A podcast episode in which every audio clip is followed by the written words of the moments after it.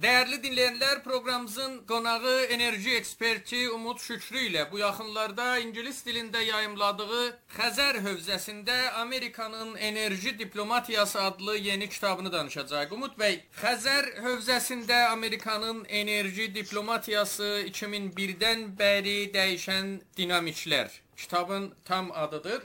Springer nəşriyyatı tərəfindən yayımlanmışdır. Hər şeydən əvvəl bunun nəşri haqqında biraz mümkün olsa məlumat verin, oradan davam edək.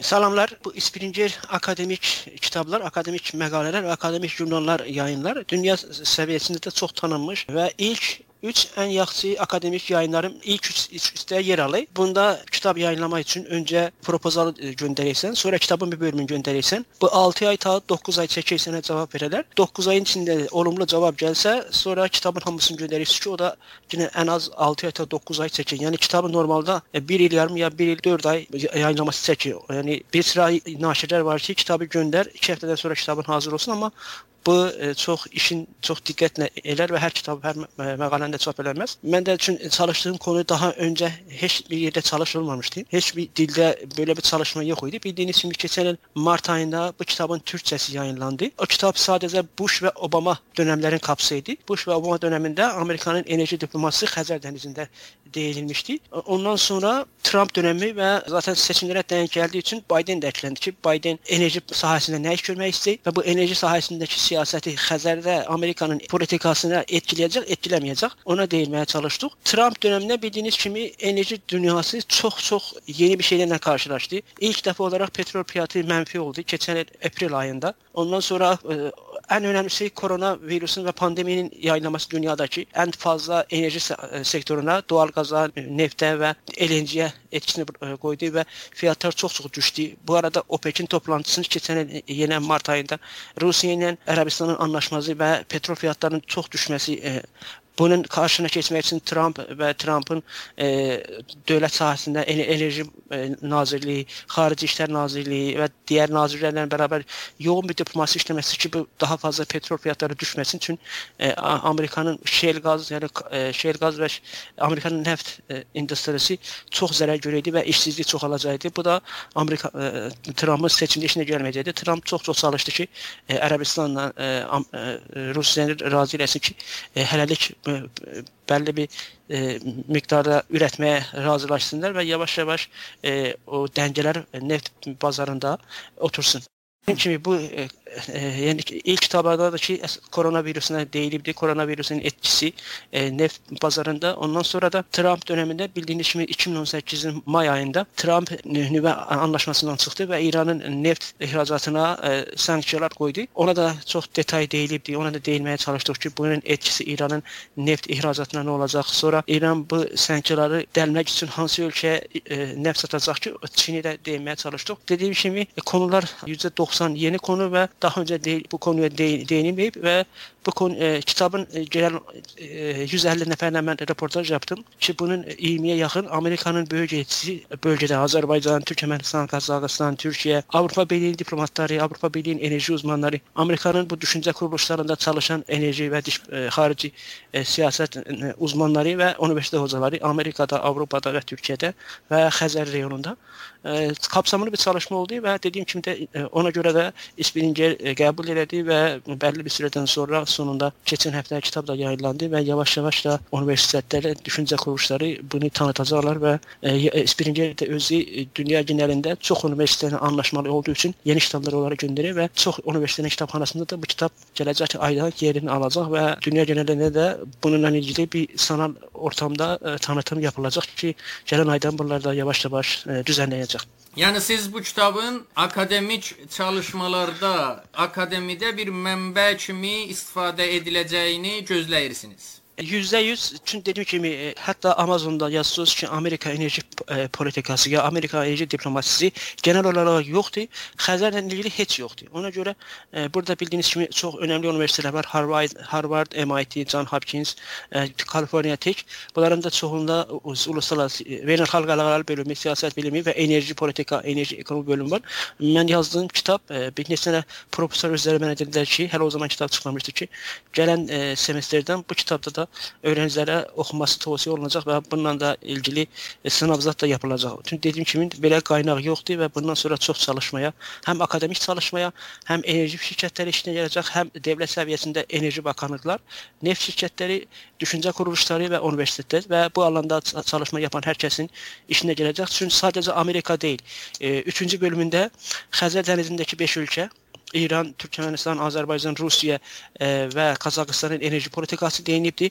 Ondan sonra Türkiyə, e, Çin, Hindistan və Avropa Birliyi. Onların da enerji politikasına deyilibdi. Yəni belə kamil bir çalışma. Əslində Xəzər hövzəsi olsa da adı bu demək olar elə dünyada bir çox məsələləri enerji sahəsində bir çox məsələləri əhatə edir bu kitab elə deyilmi? %100 sadəcə Xəzərlə ilgili deyil, başlığı Xəzərlə ilgili yaz, amma içərik olaraq e, yəni kitab ki 300 səfədir. Onun Xəzərlə ilgili ola bilər 100-150 səfəsi. Qalanı dünya e, genəlində e, önəmli e, həm ihra enerji ihrac edən ölkələr, həm enerji ithal edən ölkələrin enerji politikası və e, dış politikasında enerjinin roluna değinməyə çalışdıq və ən önəmlisi Trump dövründəki e, pandemi olsun, ya e, petrol piyas savaşları olsun, Amerikanın seçimləri olsun, bu seçimdə enerjinin rolu, e, Orta Asiya və Xəzərin seçimdə rolu oldu, olmadı bunlar hamısına değindik və e, bildiyiniz kimi Obamanın enerji alanında daha fazla yenilebilir enerjilere odaklanmasına değildi ki bu nedir orada Amerika'nın e, enerji ihracatını etkileyecek, etkilemeyecek ve Trump döneminde de bildiğiniz gibi Çin Amerika'nın e, ticari savaşına da değindi ve ticari savaşında İran'ın rolü ki e, İran bu ticari savaşı fırsat bilerek daha fazla neft satmaya başladı Çin'e. Çin de ucuz fiyata aldı.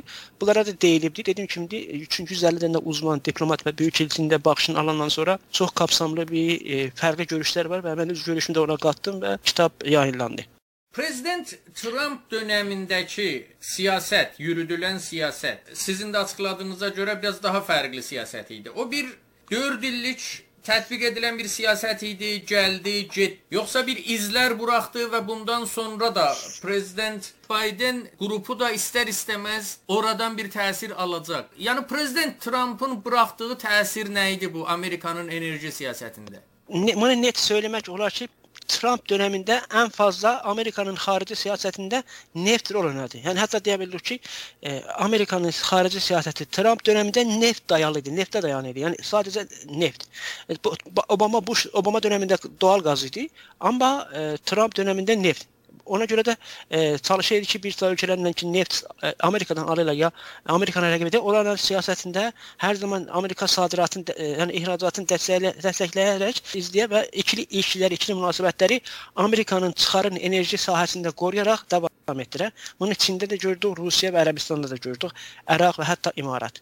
Və e, ən önəmlisi Trump dövründə e, Hindlə Amerika 20 illik anlaşma imzaladı ki, LNG sıvılaşdırılmış doğal qaz Amerika 20 il e, Hind'e sata ve aynı zamanda Güney Kore ve Japonya'da da hele anlaşmalar imzaladı. Trump çok çalıştı ki enerji Amerika daha çok sadır eləsin. Biden döneminde Biden çok dəstəkləməyəcək bu doğal gaz neft e, endüstrisinin. Amma yenilebilir enerji və e, bununla ilgili texnolojiyanın Amerikadan üretilip satılmasına daha çox Biden dəstək verəcək. Trump izlədiyi siyasət, xarici siyasət və iç siyasət enerjidə istər-istəməz hələ bir sürə özünü Amerika siyasətində göstərəcək. Yəni o siyasətləri birdən birə o siyasətlərə son qoymaq mümkün deyil deyirsiniz. Yox, ə, e, bəlli bir zaman lazım. Çünki istər-istəməz köklü dəyişikliklər oldu Amerikanın enerji siyasətində bir sıra sahələrdə. O da aynı zaman hani həmin qısa müddətdə getməsi biraz zor gözlənir, amma bəlli bir zamana qədər Amerika Trump siyasətini özəlliklə enerjidə görəcək və onunla bərabər yaşayacaq. Başqa bir məsələ Umud bəy, dəyişən, yəni siz 2001-dən bəri dəyişən dinamikləri orada kitabın ünvanında da var. Daha əvvəl ABŞ-ın o bölgədə Xəzər hövzəsində əsas rəqibi Rusiya idi. Bundan sonra da o şəkildə davam edəcək, yoxsa siz başqa aktorların da, yəni Çin daxil olmaqla meydana girəcəyini və onların da ciddi rəqiblər olacağını mı düşünürsünüz və bu ABŞ-ın orada yürütdüyü siyasət, diplomatiya əsaslı bir şəkildə dəyişəcəkmi? Çox gözəl soruya değindiniz. 2001'de George Bush zamanında Amerika Xəzər dənizində daha aktiv idi. Niyə e, soruşsuz? E, Irak Savaşında və Afganistan Savaşında Orta Asiyada olan e, paygahlar, üslər Amerikanın ordusuna yardım üçün kullanıldı. Ona xatir George Bush çox önəm verdi Orta Asiya və Xəzərə. Obama dövründə e, kaya qazı, shale gaz revolution, kaya qazının e, Amerikada yaygınlaşması, Amerikanın enerji alanında müstəqil eləməsi və bu Amerikanın bir, bir şeyə yetişdirdi ki, Amerika eləyə bildi. Xaricdən aldığı neftin e, miqdarını azaldı və hətta Amerika neft sadir eləyər. Ona görə də Amerikanın siyasəti Xəzərlə ilgili deyə bilirik ki, marağını əldən verdi. Həm istədi öz ə, ordusunun bir qismini Araq, Əraqdan ə, və Əfqanistan çəkən, həm də do, ə, Kaya qazının ə, devrimi ilə bərabər Amerika Orta Asiya və Xəzərlə ilgili marağını əldən verməyə başladı və onu da Trump dövründə də gördü, Biden dövründə də onu görəcəyik. Amerikanın ə, amacı budur ki, orada olan ə, ölkələr Batı ə, dinamik Batı dinamiklərə, Batı usuluna dayanaraq orada olan doğal qaz və petrol petrolü Rusiyanın müdaxiləsi olmadan, İranın müdaxiləsi olmadan uluslararası bazara göndərsin. Amma Amerikanınki daha çox siyasi e, dəstəkdir. Avropa Birliyində daha fazla rol oynamaya şansı yoxdur. Çünki Rusiyanın ora e, istərseniz o deyirlər e, həyat xəlvət, yəni o istədiyi şeydi orada başqa ölkənin e, e, müdaxiləsinə izin verməz. Çinin də o, o qədər mənabə mahalləsi var ki, istər-istəməz Qazaxıstanda, Tacikistanda, Özbəkistanda yatırım yatırıb və orada da öz varlığını sürdürür. E, Çinin e, e, bəlli bir səviyyədə orada olmasına Rusiya müsaade edir, amma Rusiya da e, qırmızı çizgilərin nə, nə, nə Çinin, nə Amerikanın müdaxiləsinə izin verməyəcək. Orta Asiya və Xəzərdə e, ilk və son sözü, son sözü deməyək ki, ilk sözü və ən önəmli faktor Rusiyadır və Biden dövründə də Rusiya qalacaq. Yeni gündəmdə olan İran və Çin arasındakı 25 illik əməkdaşlıq razılığı bunun haqqında fikirlərinizi açıqlasınız, müsahibəni elə bitirək. Çox sağ olun. Bu da çox güncəl bir soru, e, güncəl bir konu. Mən də bu konuya e, az az çox değindim, amma o zaman hələ bu anlaşma kəsinləşməmişdi. Elə Amerikanın, e, Çinin ticari savaşı və onun rolu İranla Çinin genel olaraq ikili münasibətlərində və özəl olaraq İranın enerji ixracatı Çinə değinməyə çalışdıq. Bu 25 illik anlaşma ki e, gərək hər iki e, ölkənin parlamentosu onaylaya. Hər iki ölkənin parlamentosu onaylasa, Çin İranda və e, e, Orta Doğuda özəlliklə Körfəzdə daha e, aktiv, daha çox e, həm e, nəqş oynayacaq, həm İranın da xarici siyasətində İranın xarici siyasəti Çinin çıxarlarına tərs olmayacaq. Bundan sonra əgər bu anlaşma rəsmiləşirsə və Çin daha fazla İranın enerji sektorunda rol oynayacaq, bölgədə də varlığı sürdürəcək və başqa ölkələrlə də bənzər bir çalış sənəd ikili anlaşma imzalarsa, bundan sonra da daha çox Çini həm İranda, İranın iç və dış siyasətində, həm də bölgədə görə biləcəyik. Hani İran üçün mozuya e, qüdrətdə deyil. E, təbii ki, o istədiyi şeyi Çindən ala bilməyəcək və bu anlaşma e, rəsmiləşirsə e, çoğunluqla Çinin çıxarlarını həm İranda, həm e, bölgədə qoruyacaq.